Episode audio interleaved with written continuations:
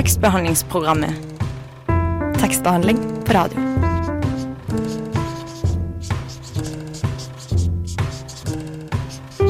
Tekstbehandlingsprogrammet.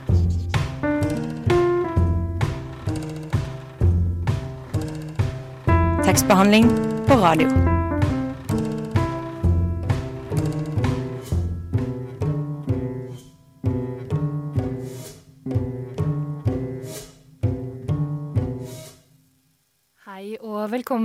Tekstbehandlingsprogrammet her på Radio Nova denne onsdagsmorgenen. I dag så får vi besøk av Thomas Marco Blatt, som nylig har gitt ut romanen 'Varsjøen'. Vi skal også ha et gjenhør med tegneserieskaper Jenny Jordal, som var på Embla-festivalen for faktisk ett år siden. Vi skal også ha et gjenhør med da tidligere redaksjonsmedlemmer Andrea og Malene prøvde å finne ut om eh, Bøker på papir er på vei til å dø ut eller ikke. Mer om det litt senere. I studio nå, det er meg, Mari Niberget, og deg, Idun Svarverud. Eh, Du startet jo i redaksjonen vår nå i høst, og det her er din aller første sending. Hvordan føles det? Nei, det føles greit. Jeg er ikke sånn kjempenervøs. Kanskje jeg blir det etter hvert. Det går sikkert helt fint. Men for våre lyttere, eh, for at de skal bli litt bedre kjent med deg, kan du først fortelle litt om hva som er din favorittbok? Ja, jeg tror nok at jeg må si at min favorittbok er 'Appelsinpiken' av Jostein Gaarder. Um, for den, jeg har bare lest den så mange ganger. Jeg leste den først når jeg var ganske ung, og så leste jeg den igjen. Og så igjen når jeg var voksen, og fortsatte å like den godt. Uh, så husker jeg at jeg ble litt skuffet over filmen. Um, og jeg endte faktisk med å skrive særemne i 10. klasse om uh, Sofies verden. For jeg var så fan av Jostein Gaarder. så jeg må nok si det, altså. Men hvorfor ble du skuffa over filmen? eh, Sto den ikke til forventningene? Nei, jeg vet ikke. Jeg tror kanskje litt av grunnen til at jeg liker den boka så godt, er noe med måten han skriver på. Og da ble det liksom Det kom ikke helt med, Nei. følte jeg. Men er, det ikke, er man ikke alltid mer glad i boka? Eh, ja, kanskje. Mest glad i Harry Potter-bøkene, i hvert fall. Men, Ja, eh, eh, men eh, du liker Jostein Gaarder. Hva slags andre type bøker er det du liker? Mm, jeg er ikke så kresen. Men jeg liker best sånne bøker om vanlige folk i vanlig hverdag.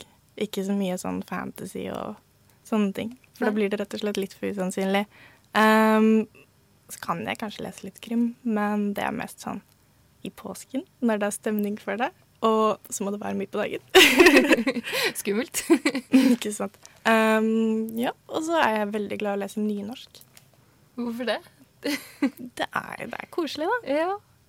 Eh, det blir ikke så mye nynorsk i denne sendingen, eh, men eh, derimot så skal vi ha litt eh, musikk av eh, Åsen. Her eh, kommer låta 'Lørdag'. Hallo, mitt navn er Knut Nærum, og du hører på tekstbehandlingsprogrammet. Jeg går i hvert fall ut fra at du gjør det. Vi hørte A-listelåta 'Lørdag' med Åsen her i tekstbehandlingsprogrammet på Radio Nova. På denne tiden i fjor så var tidligere redaksjonsmedlem Marie Vollestad på Embla-festivalen, og der intervjuet hun tegneserieskaper Jenny Jordal. Og det skal vi ha et lite gjenhør med nå. Velkommen hit i dag eh, til Embla-festivalen nummer to. Eh, jeg kan gjerne høre litt lyd for det. Woo!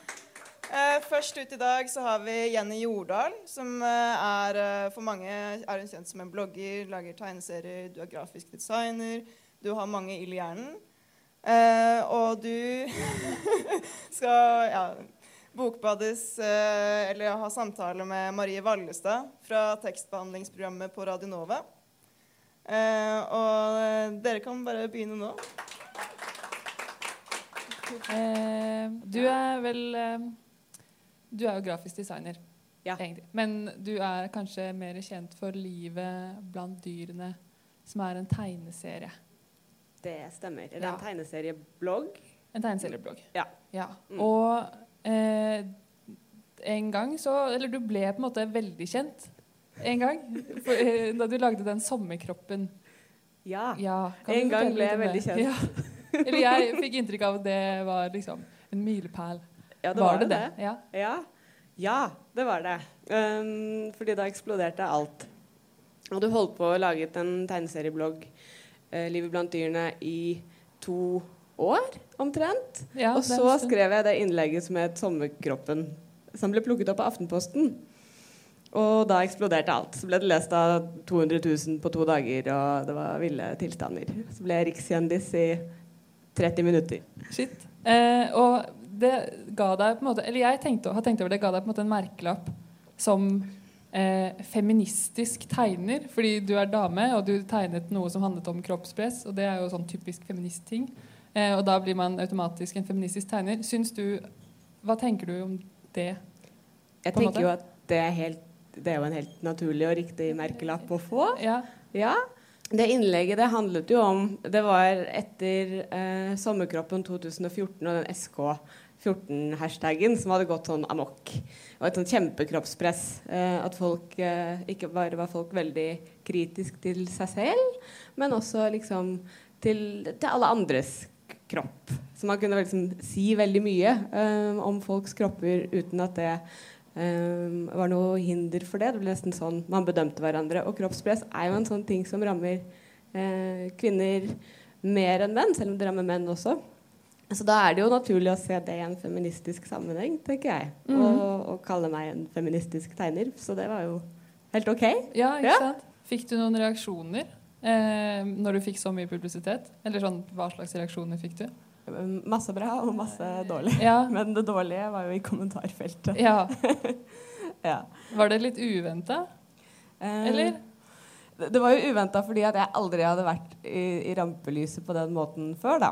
Så, um, så det å på en måte bli uh, kasta ut i debattfeltet i Aftenposten med, med hud og hår, bokstavelig talt, liksom, for det var det jeg skrev om Så, um, så uh, de tilbakemeldingene som var veldig negative, det var jo Jeg hadde aldri opplevd det før, selv om jeg visste at det var sånn.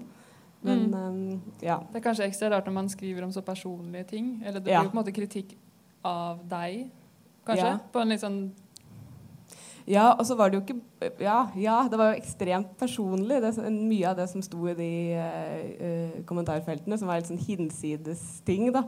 Sånn som at uh, Uh, ja, Litt sånn at jeg bare skrev om sånne ting fordi, fordi jeg tydeligvis ikke fikk meg noe. sånn. Uh, eller at kroppspress bare var en ting som var uh, konstruert av kvinner og homofile. var en av kommentarene som var sånn spesiell kombinasjon. Helt Så ja. Eh, jeg lurte på, Hvordan oppsto livet blant dyrene? Begynte du, hvorfor begynte du med tegneserieblogg? Um, jeg, gikk, jeg gikk på Kunsthøgskolen, Uh, og så skulle jeg begynne å jobbe. Og så hadde jeg ikke noen jobb, sånn som man ikke har når man er ferdig student. Så jeg måtte jo ha noe å gjøre mens jeg søkte jobb. Uh, så da startet jeg opp den. Jeg hadde jo alltid vært uh, sykt interessert i tegneserier. da. Jeg hadde fokusert mye på det under studiene og sånn. Så, og det er jo eh, Hvis man skal nå noen nå med det man lager, så bør man jo lage det på legge det ut på internett. Så en blogg var jo veldig naturlig, da. Dette er jo litt et rart spørsmål. Hvilke muligheter har det gitt deg? Det har jo åpenbart gitt deg muligheter. Eh, hvilke muligheter er det? Eller sånn, Det har jo skjedd masse. Eh, Sånn, eh, hvordan bloggen har gitt meg muligheter, liksom? Ja, at du tegner For du er jo ganske mye og tegner for Aftenposten for eksempel, og NRK. Ja. Eh, Så, ja, ja. hva er det du gjør for dem? Um, den bloggen, etter at Aftenposten plukket den opp, uh, så har jo det ballet på seg, da. Så jeg har fått gjort veldig mye mer for veldig mange flere. Um, så nå f.eks. å komme hit får jeg gjøre. Jeg får lage veldig mye Jeg får lage flere tegneserier betalt enn uh, en det jeg gjorde før. Så nå er det ikke bare liksom uh, meg som sitter på rommet og lager uh, serier til eh, meg og vennene mine lenger. Jeg tror nok det er litt sånn med eh, engasjement, da. Eh, at når det først eh, begynner, så bare blir det større. Ja. Um, men jeg fant jo ut at den tegneseriebloggen at det er jo en slags sånn at man har en stemme, da. Og så eh, kan man bruke den til å fortelle folk om det man selv syns er viktig. Um, og ting man syns er viktig i verden. Så, så jeg bruker jo bloggen og serien til det, da. Tror du eh, tegneserie gjør at det er sprer budskapet på en annen måte enn det ville gjort hvis du bare hadde skrevet tekst? Ja. Og er det, er det en ny ting, eller er det, no, er det, føler det er noe som har oppstått nå i det siste, kanskje?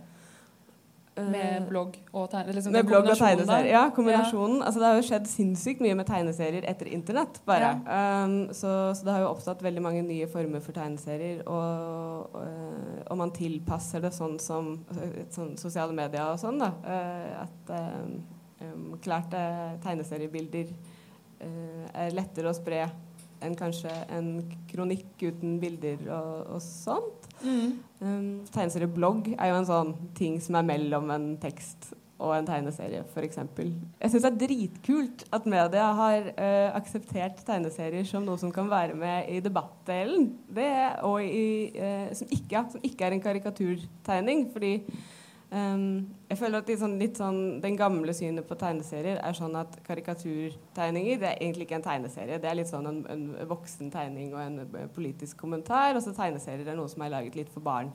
Uh, eller uh, for, ja, for barnslige voksne. Mm. Mens nå er det ikke sånn lenger. Nå er jo tegneserier på fullt inntog inn i politikken og inn i samfunnsdebatten og inn i folks liv på helt andre måter enn før. Mye pga. internett også, tror jeg. At Ja. folk har akseptert det, folk har sett et potensial veldig mye tydeligere.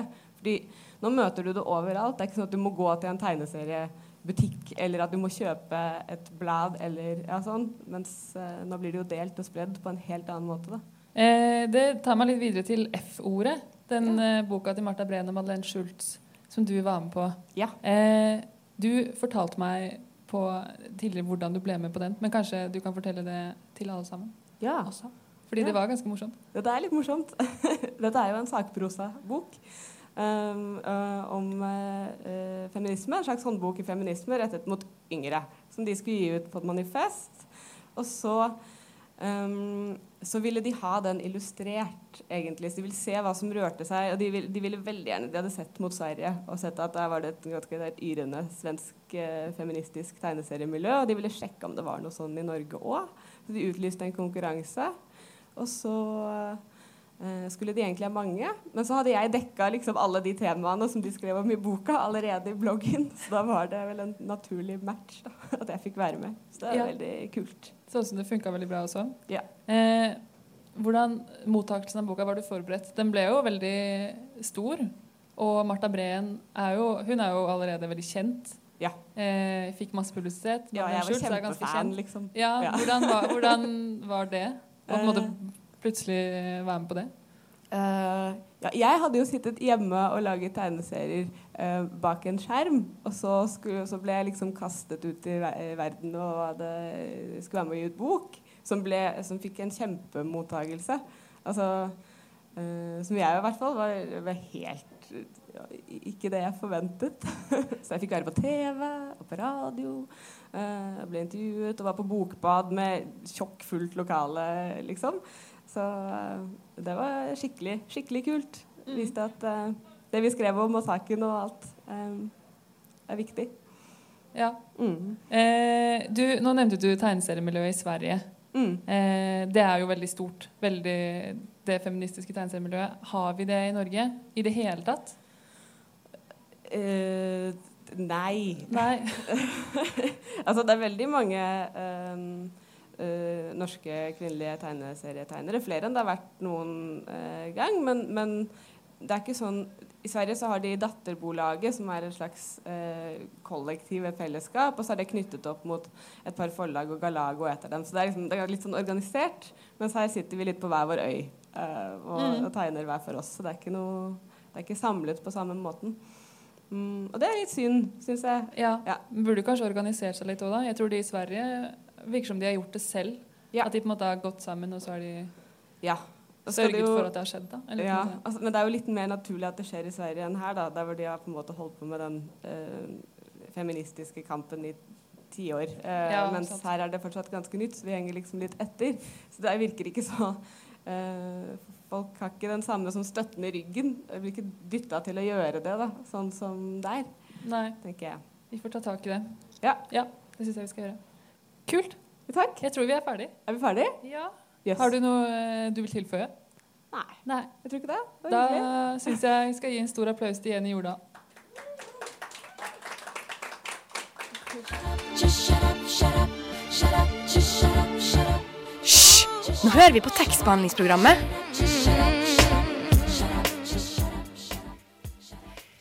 Du hører eh, fremdeles på tekstbehandlingsprogrammet her på Radio Nova. Og nå så har vi fått besøk av forfatter Thomas Marco Blatt. Velkommen. Takk for det.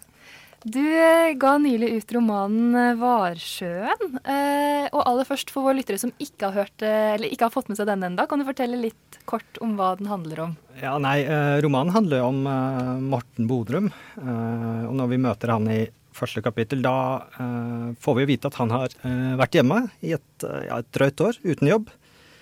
Etter å ha fått eh, sparken fra Møller Bil. da. Eh, og dette er jo da en liten konflikt hjemme da med kona Ragnhild. Eh, og så får han da en telefon fra en gammel venn fra barndommen. Og denne telefonen bærer jo på en måte, eller fører Morten Bodrum da på en tur gjennom Norge.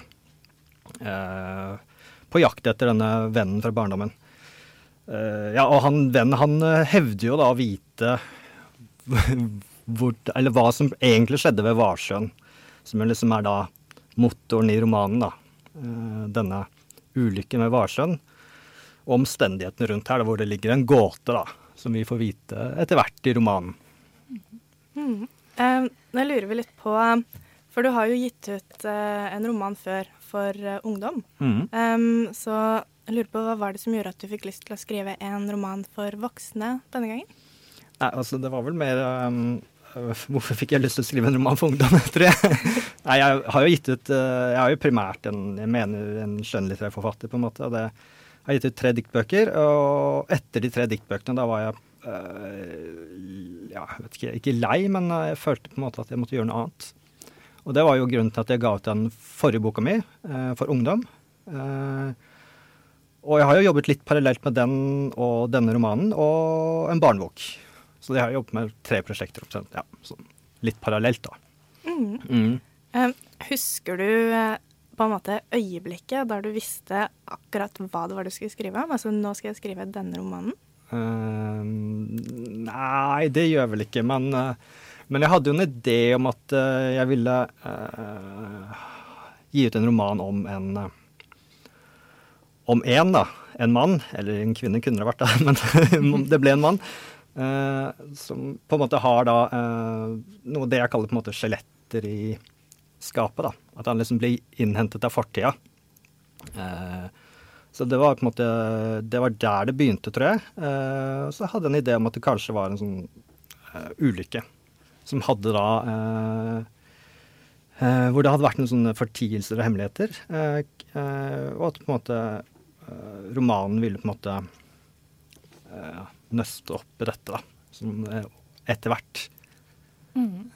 Eh, Du nevnte jo at du tidligere har gitt ut tre diktsamlinger. Hvordan var det å skrive en roman eh, sammenligna med det å skrive dikt? Nei, ja, egentlig veldig likt. eh, fordi jeg, jeg tror jo at diktbøkene mine er jo Egentlig er de jo fortellende. De har sånne episke drag. Så jeg følte egentlig Og egentlig kom jeg vel òg fra, fra romansjangeren, fordi før jeg begynte med dikt, var jo på en måte ambisjonen å gi ut en roman. Eh, og det var det jeg jobbet med. Jeg har jo gått noen forfatterutdanninger bl.a. i Bergen og i Gøteborg. Og var, jobbet jo i Gøteborg jobbet jeg med en roman. Eh, og det var på en måte det jeg på en måte Der ambisjonen var. Men uh, så fant jeg da på en måte Jeg kom egentlig inn, inn i lyrikken gjennom, gjennom bakveien, på en måte. For jeg fant at det jeg følte var et uh, uttrykk hvor jeg på en måte kunne både uh, bringe det fortellende inn i, inn i, inn i diktsjangeren. så jeg har vel hele tiden tenkt at jeg hadde tenkt å vende tilbake til romansjangeren. Og nå har jeg jo gjort det da etter hvert, etter ti år. Eh, men den romanen som du jobbet med i Gøteborg, den har ingenting med den her å gjøre? Nei, det er en helt annen Nei. roman. Ja. Ja, eh, Noe annet som er nytt nå, det er jo at du tar for deg en ganske ubehagelig tematikk. Um, så jeg lurer på hvordan det var å jobbe med den, det ubehagelige uh, i så stor skala. det var på en måte, Jeg ville jo, uh, ville jo at romanen, hovedpersonen, skulle være en antihelt. da. Eh, At han ikke på en måte, Jeg ville ikke ha sånn kjempemye sympati for han, men litt grann, kanskje. I hvert fall til å begynne med. Og så ville jeg at, eh, at uh, han ble kanskje litt mer og mer irrasjonell. Og, at det på en måte den, den personen da var på en måte preget av ja, det du kaller det ubehagelige da, i, i, fortida. Uh, så det ville jo på en måte at det var et, ha, ha et mørke der i ham og i, i, i fortellingen, da. Uh, som på en måte skulle komme mer og mer fram i Mm. løpet av boka. Eh, og hvordan det har vært å jobbe med det. Det har egentlig vært veldig, um, veldig greit. Eh, ja. Det, ja. Ja.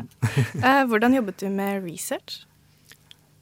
Jeg har jo Eller vært mye mye på? Ja, nei, jeg har jo vært mye på nettet, da. Eh, fordi det er en del eh, temaer og emner i boka jeg ikke kunne om, blant annet flybiler.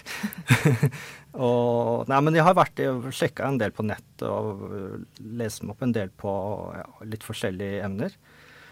Eh, romanen kommer jo inn på Jeg får jo sånne Handler jo etter hvert litt om, om eh, de mørke sidene av uh, oljeeventyret i Norge.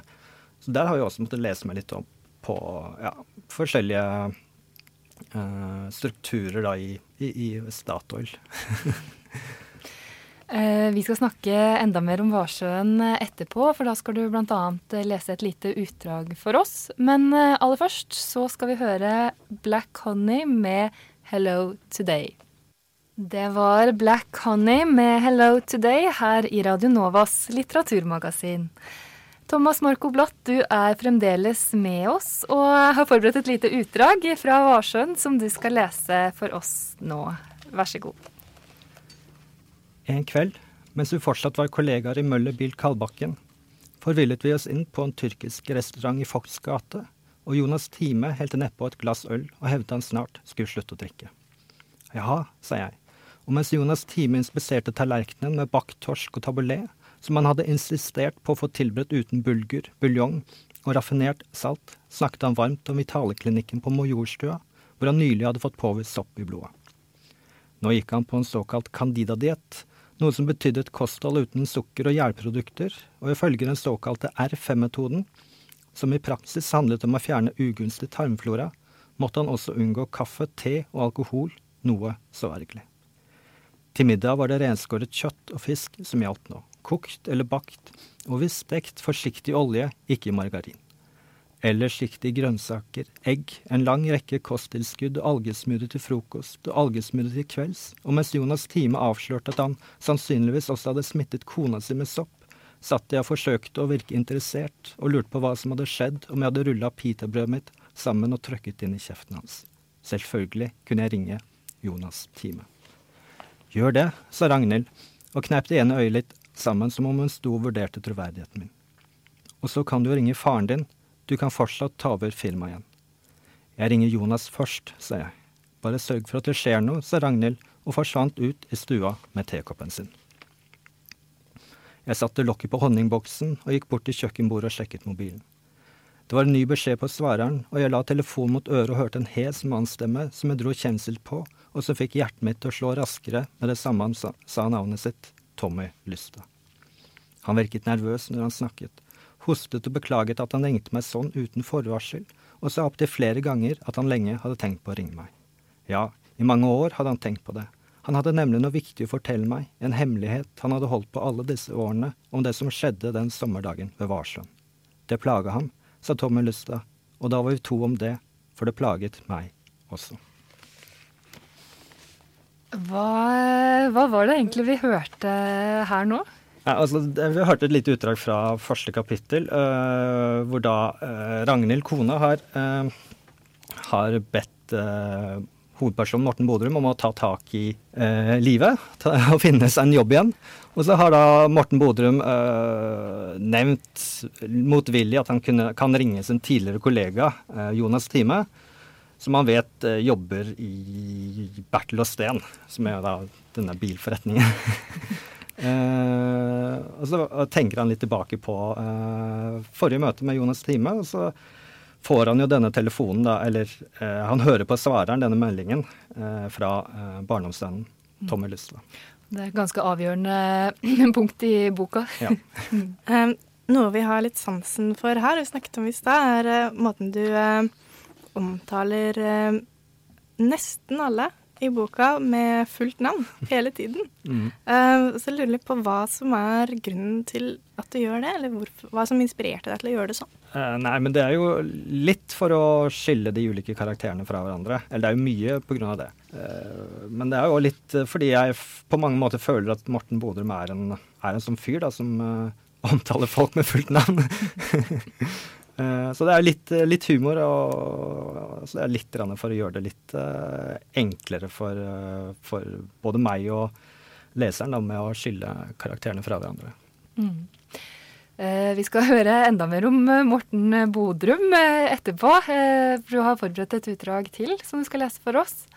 Eh, men før det så skal vi høre enda litt mer musikk. Eh, det er This Future med Great People her i Radio Nova.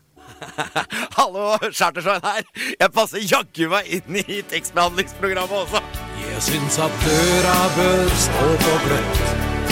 Tekstbehandlingsprogrammet holder døra oppe for alle.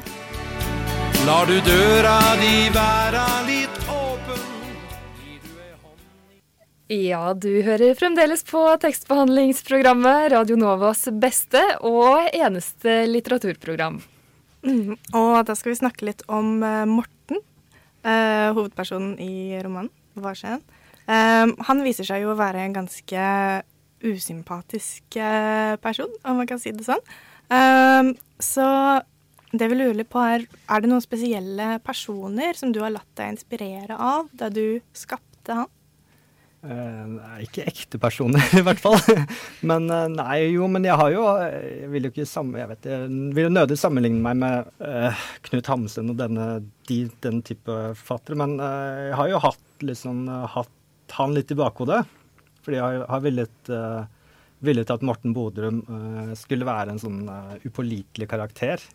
Eh, som man jo først, som vi var inne på tidligere, først eh, kanskje får litt sympati for, og, men som liksom blir kanskje mer og mer irrasjonell, da. Eh, og det er jo noen sånne eh, karakterer Hamsun har skrevet om som er veldig irrasjonelle, annet i Japan og Mysterier og Sult og for den del. Så det har jeg, jeg har hatt litt det i bakhodet.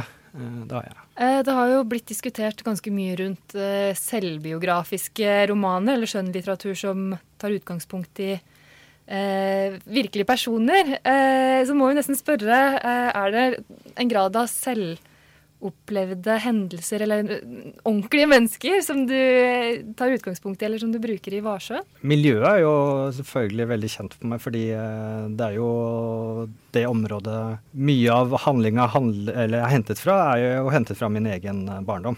Mm. Slik at jeg kjenner jo både til Varsjøen og denne bygda hvor Morten Bodrum kommer fra.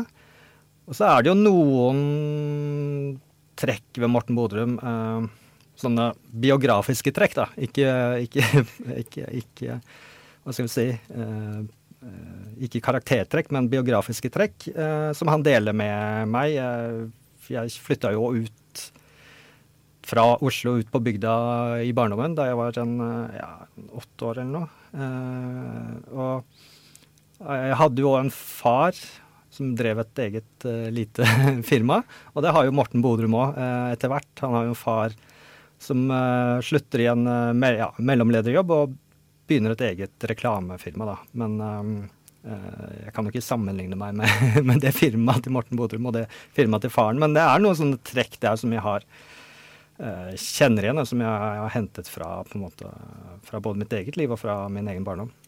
Mm. Hvor mye deler du av Thomas Marco Blatt i romanen?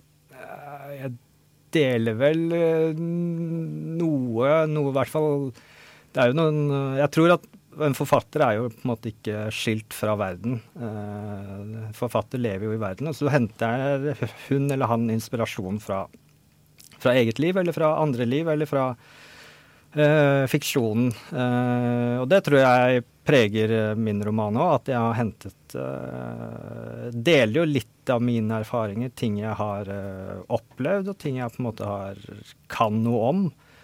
Uh, blant annet når det kommer til miljø, og, med det, og i forhold til Jeg tror ikke jeg kunne skildret på en måte Hva skal vi kalle det, småbarnslivet uten å på en måte ha opplevd det, da. uten at jeg opplevd akkurat det Morten Bodrum opplever. Mm. Varsjøen, den fins jo på ordentlig i Sørum, der hvor du har eh, vokst opp. Mm. Mm. og i boka så forteller du jo om et sagn om slagharer som høres ut som ganske skumle vesener som er mm. på den Varsjøen på, på, kvelden. Er det et sagn som er henta fra virkeligheten, eller er det noe som du har funnet på til den boka? Nei, det er ikke, noe, det er ikke henta fra, fra, virkeligheten, men det er ikke noe jeg har funnet på heller. Fordi uh, er, bakgrunnen for slagharene er jo en sånn der vandrefortelling fra forfatterstudiet i Göteborg. hvor det var vel en sånn røykepause, tror jeg, hvor en av uh, de norske studentene da slo av en liten sånn fortelling om, om, at i Norge så har man slagharer. og det skulle da være noen sånne harer som var veldig gode til å slå, da. og så er det jo, har på en måte det blitt en sånn vandrefortelling som flere forfattere, ikke bare jeg, men flere forfattere fra forfatterutdanninga i Göteborg har brukt i sine bøker. Uh, og jeg har også brukt Jeg kan godt hende at jeg har brukt det i alle mine bøker. Har det vært noen slagharer, til og med. Uh, og de har hatt litt ulike um, egenskaper og betydninger, men i Varsløen så er det vel sånn at de, uh, de er jo på en måte Minner jo litt om de her, hva heter det, de her sirenene fra den greske mytologien. altså De er sånne fabeldyr som varsler død og elendighet, egentlig.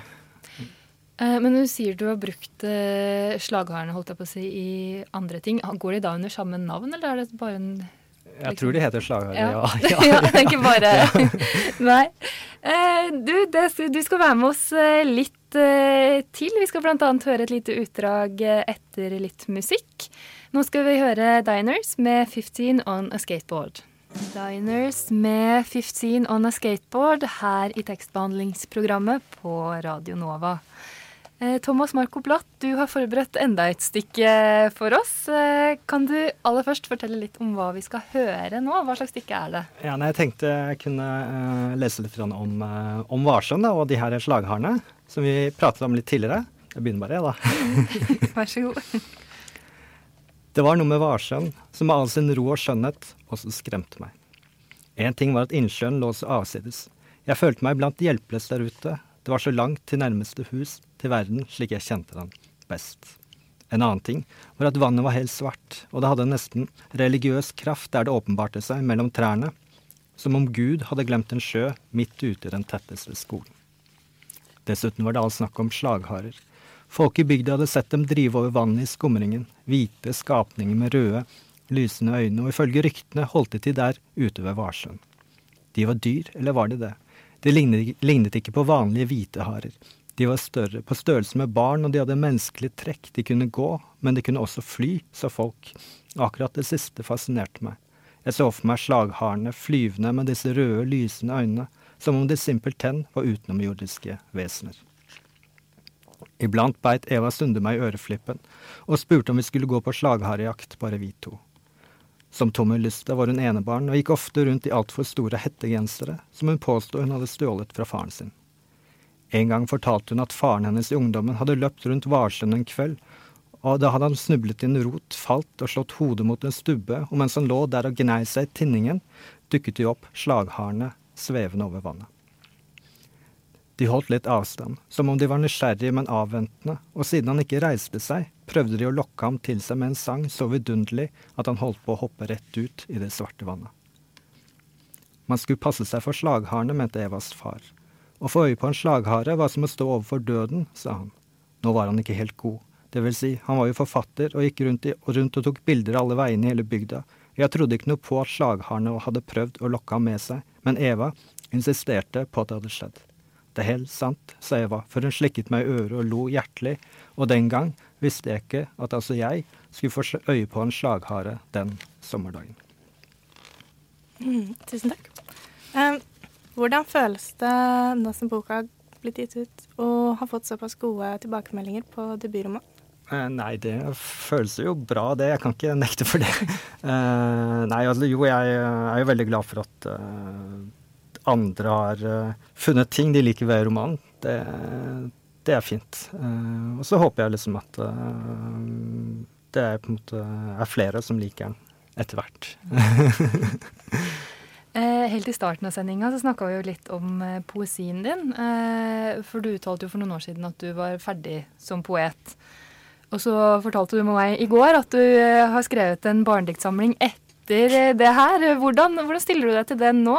Blir det mer poesi fra deg? Går det an å si noe om det? Altså, jeg tror jeg, jeg står jo ved deler av det jeg har sagt. Altså, jeg er ferdig som poet for dette tiåret.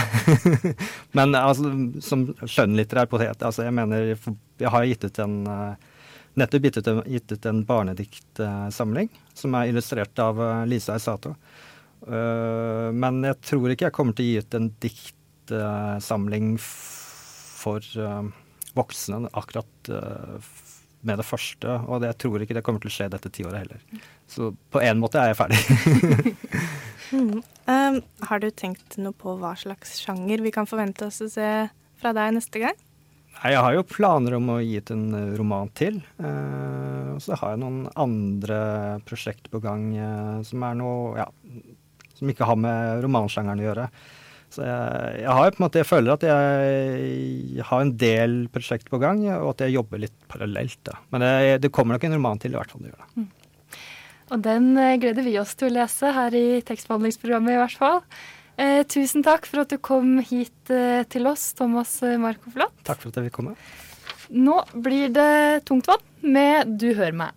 Hiphop-gruppa Tungtvann eh, der altså, de ga seg i 2007, og her var låta Du hører meg i tekstbehandlingsprogrammet. Nå kommer et innslag fra i vår, da tidligere medlemmer Andrea og Malene prøvde å finne ut om bøker på papir er på vei ut eller ikke. Her kommer innslaget.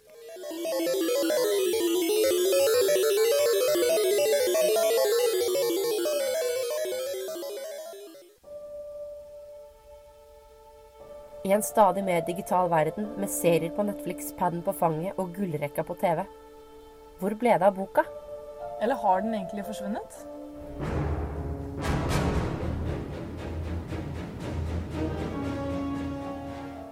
Vi har mistet evnen til å bla i bøker. Hæ? Har vi mista evnen til å bla i bøker? Vi kan bare sveipe. Sveipe? Vi kan vel bla for det? Sveipe. Bla? Sveipe. Bla? Er det virkelig sånn at de bare leser bøker på Kindle? Og aviser bare på nett?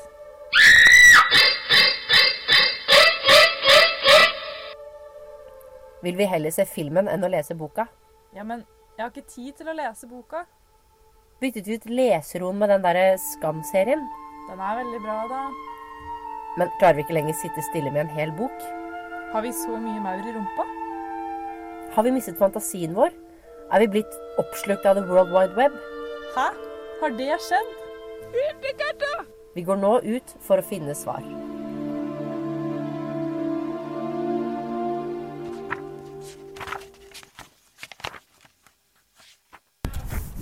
Tror du bøker som er i papirform eller vanlig bokform kommer til å er på vei ut? Um, nei, egentlig ikke. Eller man bruker jo, bruker jo masse bøker på skolen og alt det der. Og så tror jeg også man Eller jeg leser jo også hjemme også. Men um, de, de kommer nok til å dø ut en eller annen gang.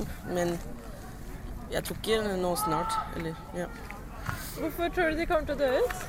Fordi verden eh, den, den, den får jo mye mer teknologi. Så eh, jeg tror de kommer til å finne erstatning med elektroniske bøker og alt det der.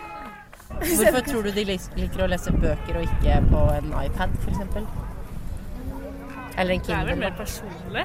Og jeg vet ikke Ha, ja, ha en egen bok og kan ta det frem hele tiden. Og ta det med på når du skal reise og sånn. Det er ikke alltid det er tilgang til nett heller. Gjør dere det? Ja. Ja, ja, jeg har bøker som jeg kan lese som ikke er på nett, f.eks. Eller som jeg ikke tenker at å, jeg kan på nettet og finne det. Ja, sånn er det. Tror du boka som i bokform er på vei ut? Nei. Tror ikke det. Hvorfor ikke? Fordi at jeg er veldig mye på biblioteket, og der sitter alle og leser bøker hele tiden. Så folk, tar, folk har tid til å lese og ikke sitter bare på Netflix eller er i treningsstudio og sånn? Ja, men jeg tror kanskje folk leser litt mer spredt enn før, da. Men jeg tror ikke den bokdøden kommer, altså, med det første. Hvorfor velger du å lese på internett og ikke i en bok, da? Jeg vet ikke, Bøker er noen ganger kjedelig, kanskje. Eh, Det er ikke akkurat min greie. For det er er det fordi du ikke har tid, eller? Nei, jeg har tid. Er bare Jeg liker det ikke akkurat. Du liker det ikke? Nei. Er det uvant? Uh, nei, det er ikke uvant. Jeg pleide å lese veldig mye før. Hvilke bøker er det du leser av, hvis du har lest noen? Jeg har lest mange krimbøker. Eh, jeg har lest Maze Runner-serien.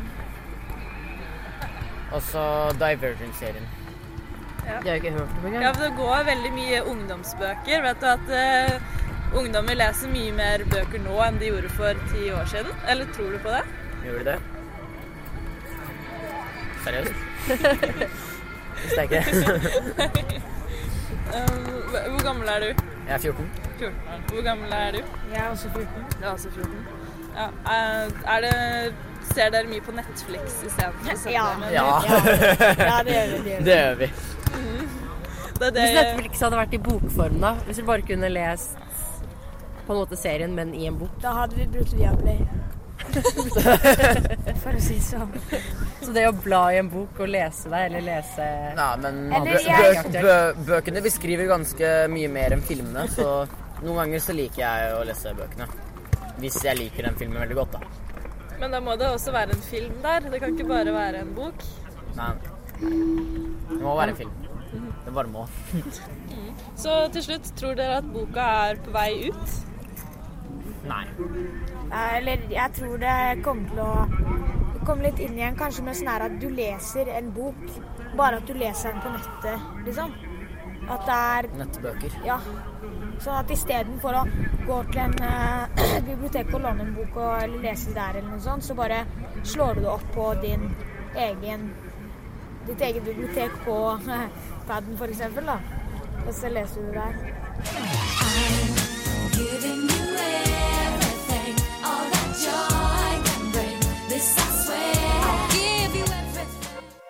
Det var eh, alt vi hadde her i tekstbehandlingsprogrammet denne onsdagen. Men du kan høre reprisen på Soundcloud eller på radionova.no. Og så er vi tilbake neste uke her på Majorstuen, og da kan du tune inn på FM 99,3. I studio i dag var meg, Mari Nyberget, og deg, Idun Svarverud. Og vår flinke nye tekniker i dag var eh, Theodor Skaufel. Vi høres igjen om en uke. Ha det bra!